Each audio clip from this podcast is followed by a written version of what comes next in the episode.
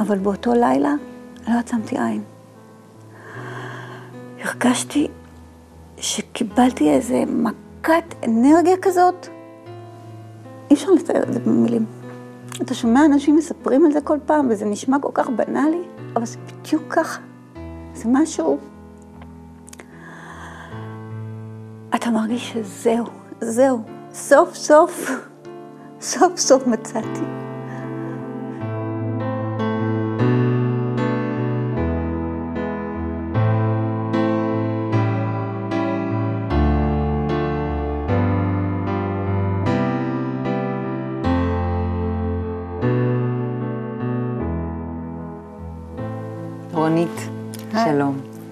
מה שלומך?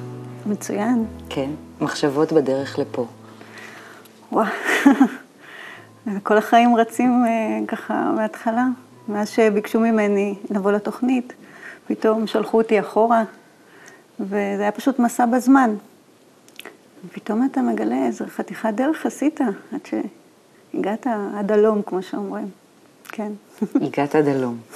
ומה, ומה את מרגישה ב, ברגע הזה של ההלום הזה?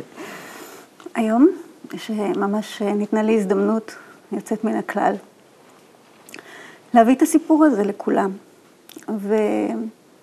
ולהראות ש... שיש דרך מדהימה שממלאה, שנותנת חיים, בשעה שהעולם אה, מסתובב ומחפש ו... וסוער כל כך, יש מקום כזה שקט, כזה מובטח, רגוע, מלא אהבה. שהייתי רוצה שכולם ימצאו אותו, שיגלו אותו. הסיפור שלך מתחיל בתל אביב. נכון. לשני הורים עולים מבולגריה, נכון. שאבא נהיה איש צבא קבע, עם עקרת בית שגידלה את הילדים. נכון. נכון? כן. ממש אה, הורים אה, אידיאליים, אפשר לומר.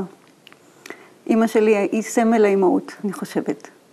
אישה שמסורה, חמה, אה, בשלנית, תופרת, סורגת, כל מה שילד צריך בשביל, בשביל הקן החם הזה.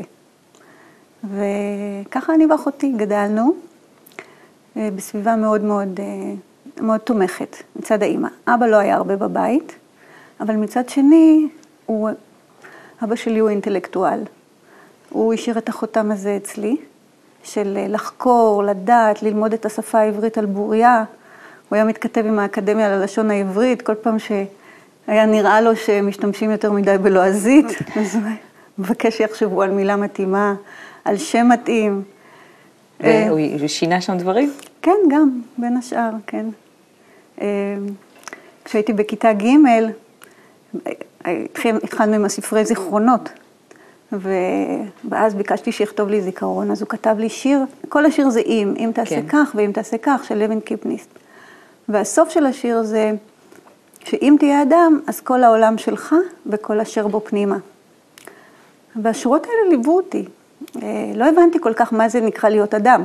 ניסיתי להיות אדם טוב, לעזור, אה, להיות מתחשבת. כן, באמת גם הייתי ילדה כזאת, מאוד אה, מצטיינת ומוצלחת, נכון? נכון, כן. כן, מה שאני זוכרת את עצמי, אבל זה לא היה כי הייתה בי את השאיפה הזאת.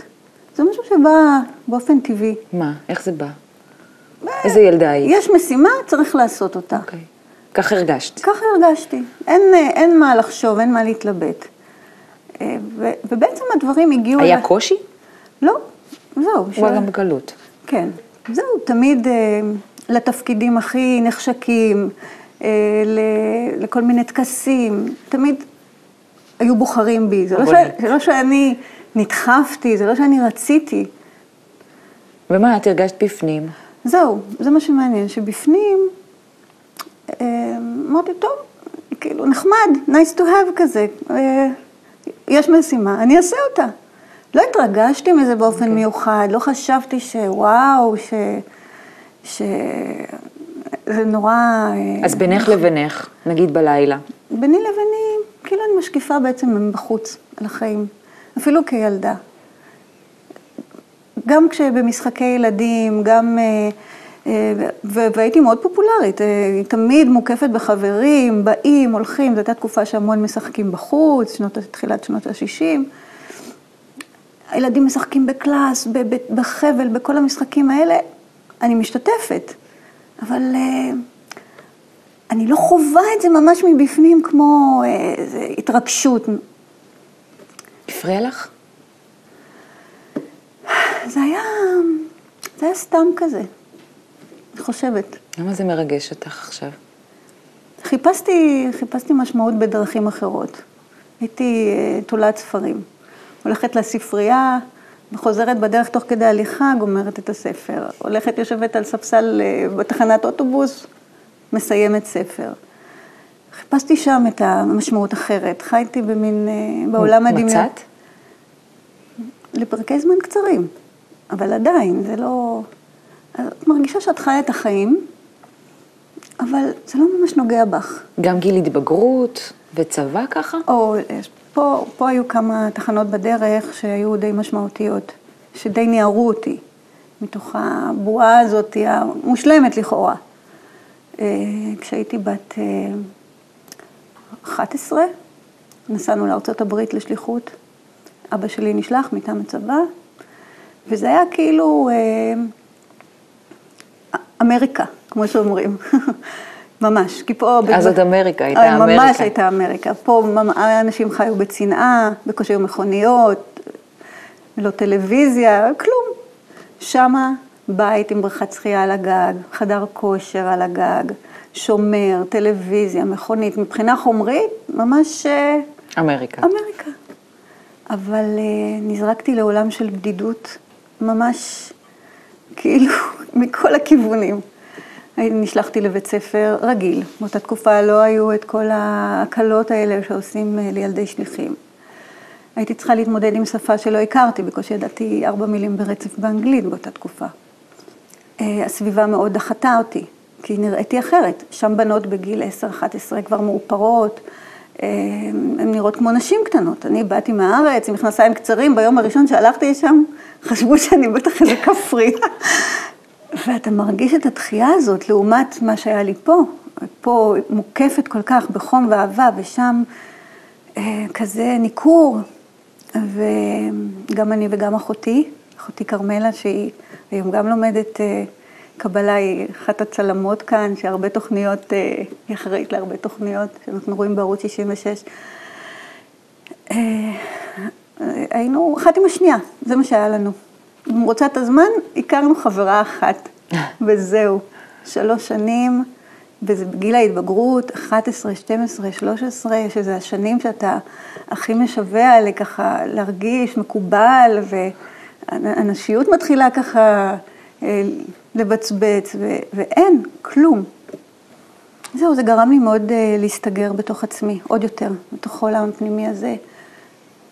Uh, לאבד קצת אמון באנשים. כי אם הם סתם מתנהגים אליך ככה, אז uh, במי יש לתת אמון בחוץ שם?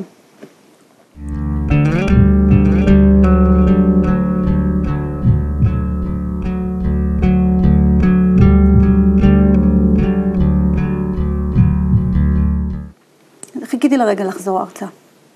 שם היינו מטיילים, רואים מפלי הניאגרה, מרכז נאסא, והייתי מקבלת מכתב מהארץ, שחברות שלי נסעו למסע וזרקו ביצים אחת על השנייה, אז הייתי בוכה מקנאה נקרעת. יואו. אז אה, חיכינו לרגע לחזור ארצה. ההורים שלי היו אמורים להישאר ארבע שנים, אמרנו, בשום אופן, חוזרים. וחזרתי הנה אה, ישר לתיכון, שזה היה אמור להיות משבר, ו... זו הייתה פריחה. מה זה פריחה? כאילו, חזרה לקן החם הזה, לחממה. שוב, חברים, תנועת נוער, אה, לימודים במקום שטוב לך. אה, הכרתי את החבר הראשון שלי, שהיום הוא בעלי, ברטי. אנחנו ביחד מגיל 16. Oh. כן. זהו, תקופת הנעורים באמת הייתה תקופה מושלמת. מכל כל מה שנערה יכולה אה, לצפות. ו... ואז הגיע הצבא. בצבא רציתי לעשות צבא, לא יצאתי לנחל עם, ה... עם הגרעין. וקיבלתי להיות מדענית, בגדנ"ע. אמרתי לעצמי, גדנ"ע זה, זה להדריך נוער, מה, מה לי ולזה? כאילו, רציתי משהו במשרד, משהו שמתאים לאופי החנוני שלי. וקיבלתי את הקורס שבזמנו היה הכי קשה לבנות בצה"ל. מסעות ניווטים, נשק, תרגילי סדר, ואני שוב אומרת לעצמי, מה?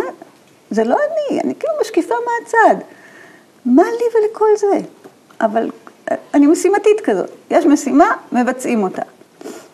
טוב, אה, באיזשהו שלב אומרים לי, אה, את רוצה ללכת לקורס ידיעת הארץ, להיות מדריכת ידיעת הארץ? שוב, הדברים הכי נחשקים, שאנשים נלחמים עליהם. לא מרגשים אותך. באים ומציעים לי אותם כל הזמן. זה לא שאני אומרת, אני רוצה. לא. אמרתי, אוקיי, בסדר, nice to have. הלכתי, קיבלתי מתנה עם גדולי המומחים בארץ, לארכיאולוגיה, לביולוגיה, לזואולוגיה, עולם שלם נחשף בפנייך. יופי, אבל זה לא זה. באמת, מה קורה ללא זה הזה? מה קורה להרגשה הזאת במהלך אה, שום דבר באותה תקופה? עדיין, כלום. נסחפת, נסחפת עם ה... אבל עדיין מרגישה משהו מרגישה לא, ש... לא זה. כן, שמנתבים אותך. בעצם אני מרגישה שמנהלים אותי. אוקיי. באים מציעים לי, אני אומרת כן. ואת לא, לא, לא יושבת, לא עדיין, מבררת את זה לא, מדי. לא. מה שכן, בתקופה הזאת אה, התחלנו, הגדנ"ע עובד עם, אה, עם נוער טעון טיפוח, ישראל השנייה.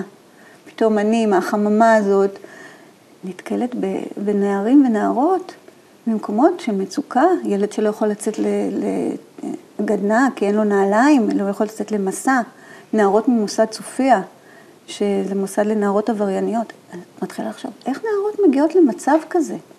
איך, איך נערים מתמודדים עם מחסור? אני שבאתי לא משפע, אבל... איך, איך התייחסת לזה אז?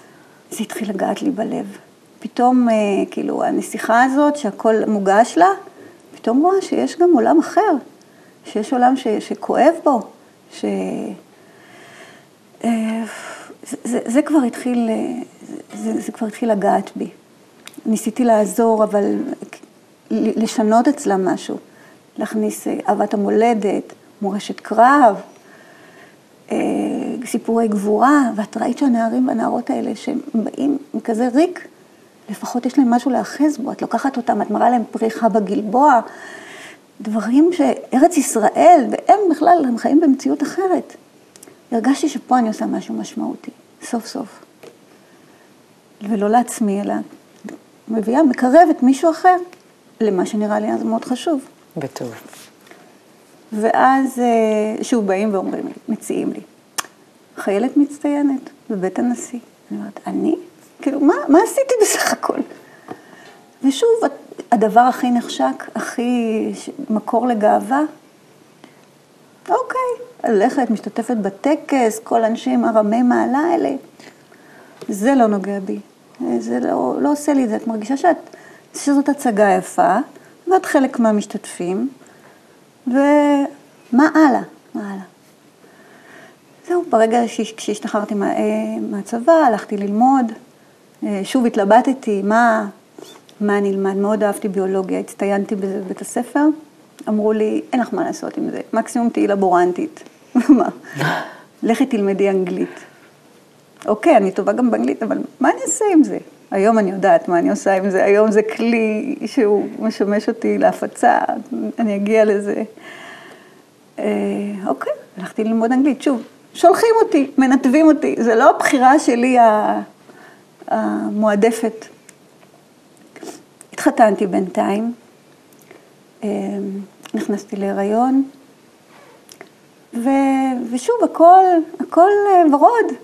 חיים, כן, משפחתי, אהבה, אני מצפה ל, לילדה הראשונה שלי, אז עוד לא ידעו אם זה בן או בת. ו...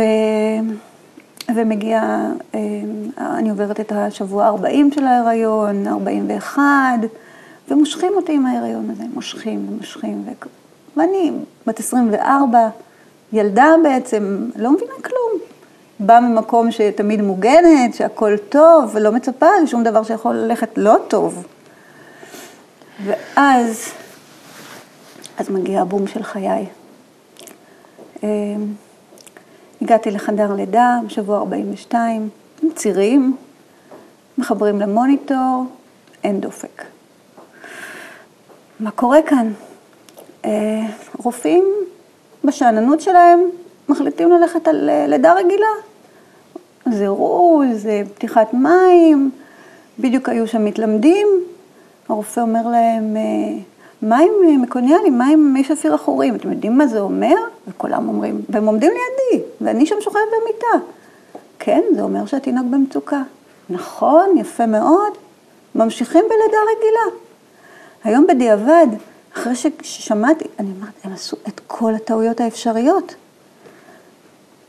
בקיצור, אחרי לידה רגילה של איזה שמונה שעות, נולדה הבת הבכורה שלי. היא לא נשמה כשהיא יצאה, הייתה במצוקה. אה, טוב, הנשימו אותה, אה, מצבה השתפר, מגיע הבוקר, מעבירים אותי לחדר, יולד... אה, לחדר של נשים שאחרי לידה,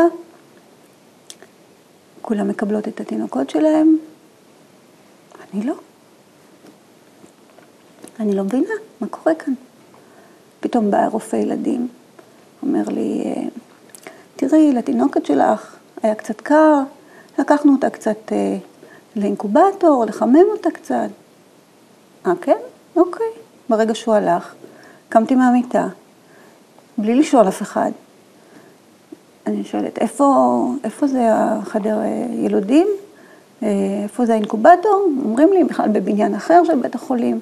ואני הולכת, כמה שעות אחרי לידה, מחפשת את התינוקת שלי. אני מגיעה לשם, אני רואה אה, שולחן טיפולים, עשרות מכשירים, אה, ואני רואה תינוקת שוכבת שם, מחוברת לכל זה, אני רואה, זה השם המשפחה שלי. פתאום באה מישהי שם ושואלת, מי את? אמרתי, אני אימא שלה. איך הגעת לפה? מה את עושה כאן? מהר החזירו אותי למחלקה. מאותו רגע לא הפסקתי לבכות. פשוט הדמעות זרמו וזרמו. ביום אה, למחרת שלחו אותי הביתה. אמרו, אין לך מה לעשות כאן. כל, כל האמהות מקבלות את התינוקות שלהם, ואני אשב שם ואני אראה את זה. וככה עברו שלושה שבועות, שטלי, הבת הבכורה שלי, הייתה בטיפול נמרץ. אבל אה, ברוך השם, היום אני מסתכלת על זה, היום היא בת שלושים. היא אם לבת, אני סבתא. ילדה בת שש, מקסימה. אבל אז שלושה שבועות של, של כאב, פשוט אומרים, הבורא שובר, שובר לך את הלב כדי שהוא יוכל להיכנס פנימה. זה מה שקרה לי אז.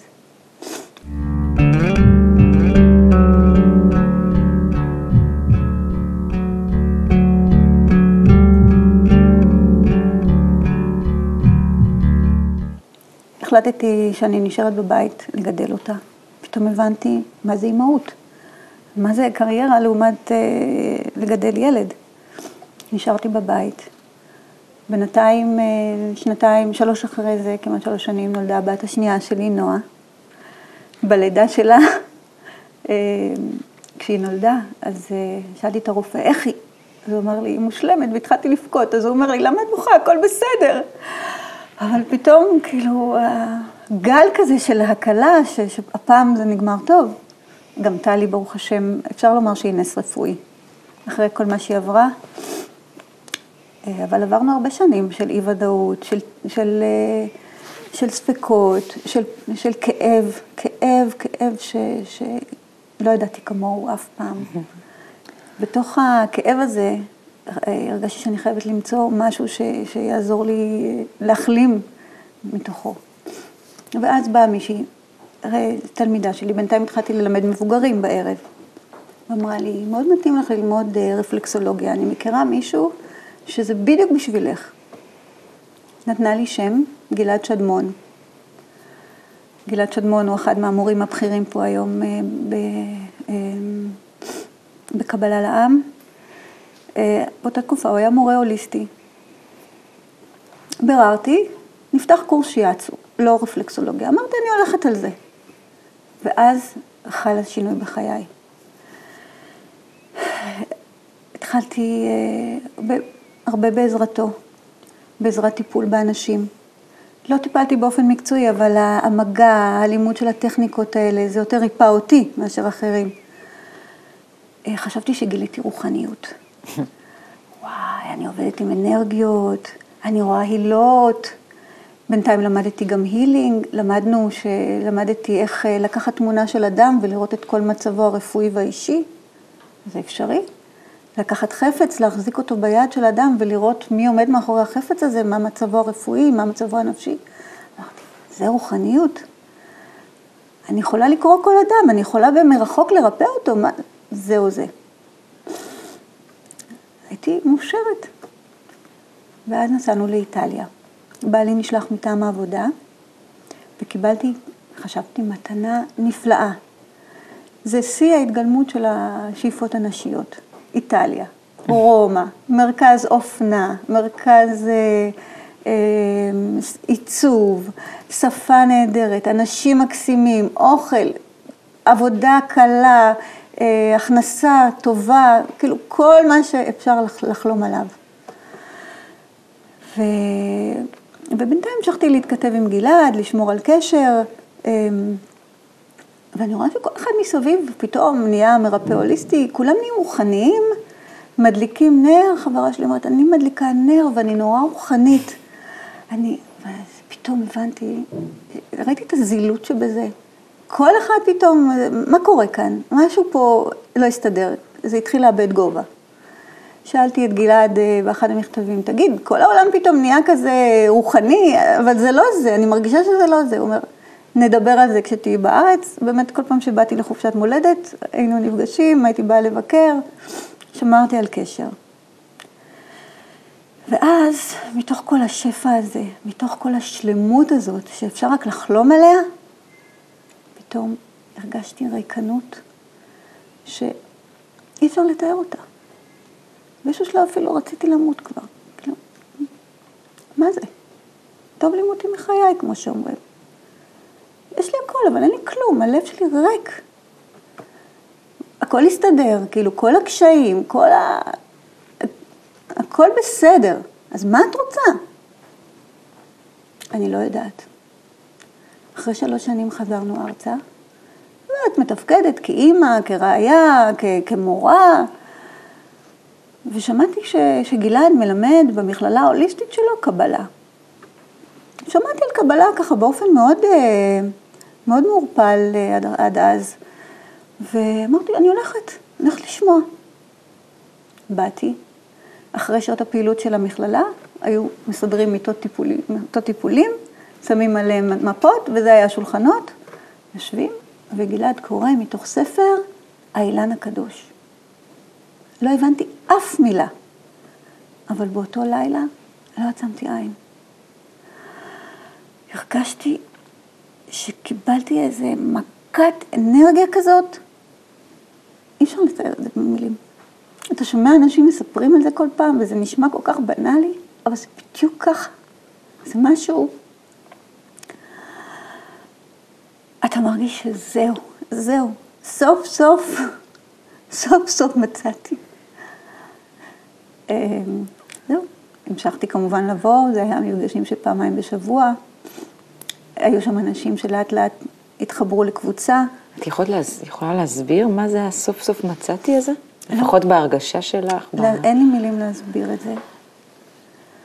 אבל זו תחושה שזה הדבר הנכון. זה זה.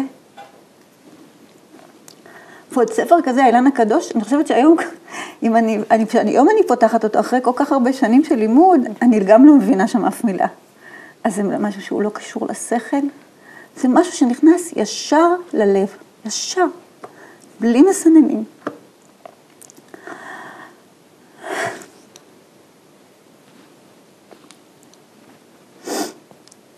וזו תחושה כזאת של מין הכרת תודה כזאת, שסוף סוף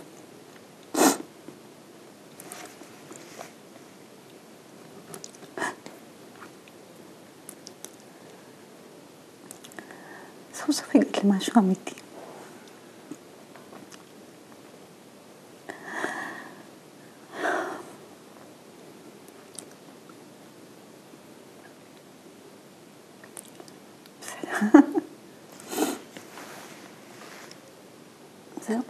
התחלנו להתפתח שם כקבוצה. הכרתי שם בנות מדהימות. פתאום חזר לי האמון באנשים. כל החיים הייתי סגורה, אף פעם לא שיתפתי ברגשות וכלום. פתאום יש על מי לסמוך. התחלנו לעשות הפצה. הסבירו לנו שזה הדבר הכי חשוב. ואיך את הסברת את זה לעצמך? או מסבירה את זה לעצמך? עכשיו. שבזה אני מביאה את מה שאני מצאתי לאחרים. את רואה את האחרים, חברים שלי, משפחה, הולכים חוג אחרי חוג, סדנה אחרי סדנה, טיולים לחוץ לארץ, כאילו מחפשים איזשהו מילוי, שאת רואה שהם לא מוצאים, הם לא מוצאים, הם מספרים כמה הם מאושרים, ואתה מסתכל מהצד, אתה מבין שזה לא זה. ואני, ואני, ויש פה משהו שזה זה, בואו, אני כבר מצאתי אחרי כל החיפושים, אחרי כל הכאב, ויש פה משהו כל כך נפלא.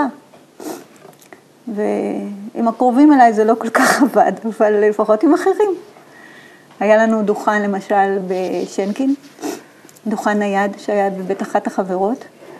אמ, כשכל פעם שמישהו היה פנוי, היינו הולכים, לוקחים את הדוכן הזה, היו בו גם ספרים, מעמידים אותו בשנקין ו... ומוכרים ספרים או מחלקים פליירים. ובאותה תקופה זה היה ממש בדחיל אורחים, מתפללים שאף אחד שמכיר אותי לא יראה אותי. אני מורה בבית ספר, מכירים אותי.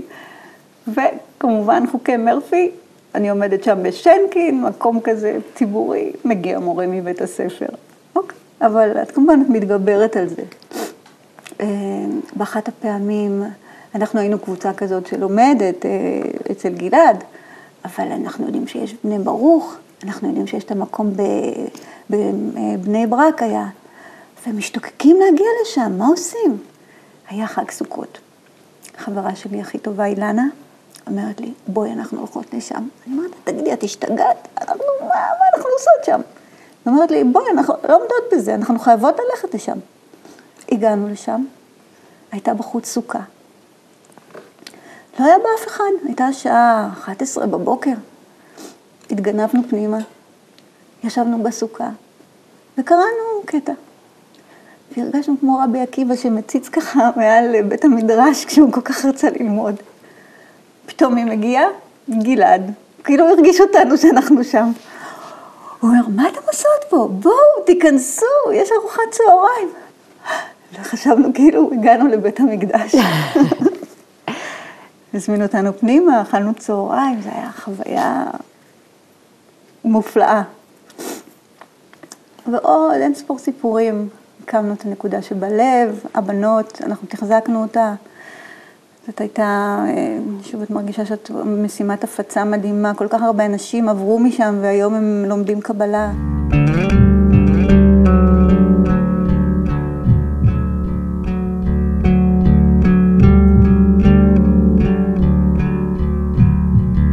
מה זה עשה לך כאישה, או איך, שאת, איך את מבינה היום את הנשיות בתוך כל הדבר הזה? מה זה עושה לה? זה נתן לי להבין קודם כל אה, את הייחודיות של אישה. מספיק לרצות להיות איזה פמיניסטית אה, ולהילחם על בריקדות, מה, מה יש בזה? זה סתם איזה שהם רעיונות באמת אמריקאים שהחדירו לנו לראש, ויש נשים שקשה להם לקבל את זה, ושאת מקבלת את התפקיד שלך כאישה, כאימא, כהקן של הבית, את פתאום כל כך שלמה עם זה, כי זה באמת, לזה את, את נועדת, לזה, זה מה, אפילו מבחינה ביולוגית לזה, מה שאת, את בנויה. כמובן שאני אני גם, אה, יש לי קריירה, אני, אני מרצה באוניברסיטה, שוב, משהו שהוא באמת מאוד נחשק ומאוד גבוה, זה די שולי בעיניי. זה חשוב, זה פרנסה נהדרת, אבל זה לא העיקר. העיקר זה להיות הקן, המקום ש, שממנו הבית צומח, המשענת לגבר, וזה נפלא, וזה נכון. זה עם כל ההשכלה, עם כל ה... אמ, עם כל הכלים שיש לי כאישה מודרנית, הם כלים טובים, כדי, כדי אה, להתפרנס מהם, אבל זה לא, זה לא התכלית. מה החלום שלך היום? החלום שלי? אני לא יודעת אם מותר להגיד את זה בטלוויזיה, אבל שבעלי יבוא לדרך. אבל הוא, הוא אומר אה, שהוא אחד מה-600 אלף התומכים הפסיביים. הוא שמע פעם את הרב מסביר על הפירמידה, שיש את השפיץ של האנושות, שזה בני ברוך ללא ספק. הם מובילים את האנושות והם הם, הם יצילו אותה. הם מצילים אותה כבר. אבל יש את ה-600 אלף שהם התומכים הפסיביים, שבלעדיהם הפירמידה לא יכולה להתקיים. הוא אומר, אני לא מבין בזה, אבל אני אחד מהם. והוא באמת תומך. כל דבר אה, הכי קטן, אם אני צריכה במחשב, היום אני עוסקת בתרגום של אה, שיעורי רב וטקסטים, אז הוא דואג שזה יעבוד, שזה יהיה בסדר. אה, אם אני צריכה ללכת לאן שהוא אומר, את תפספסי, את צריכה, יש לך פעילות כזאת.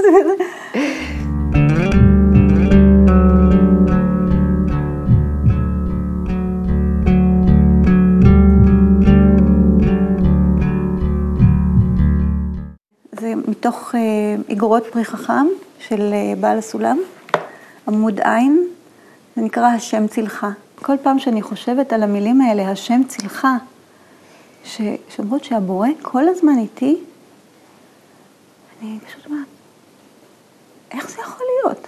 איזה זכייה זאת, איזה, לה, להגיע, להכיר בזה, שכל כך, כל כך הוא אוהב אותנו. אני רוצה להקריא, אני חושבת שבעל הסולם אומר את זה הכי יפה. וכבר מקרא כתוב, אך טוב והחסד ירדפוני כל ימי חיי. פירוש, על דרך שפירש זקנך בעל שם טוב והשם צילך. כמו הצל המתנענע אחר תנועות האדם, וכל נטיותיו בהתאם לנטיות האדם, כמו כן, כל האדם בהתאם להשם יתברך. פירוש שבהתעוררות אהבה להשם יתברך, יבין שהשם יתברך יתעורר אליו בגעגועים עצומים וכולי. אנחנו חושבים שאנחנו מצאנו את הבורא, שאנחנו, מצאתי, אבל הוא, הוא זה שמחכה לנו שם, באהבה עצומה כזאת. זה כל כך מרגש. אין לי מילים. באמת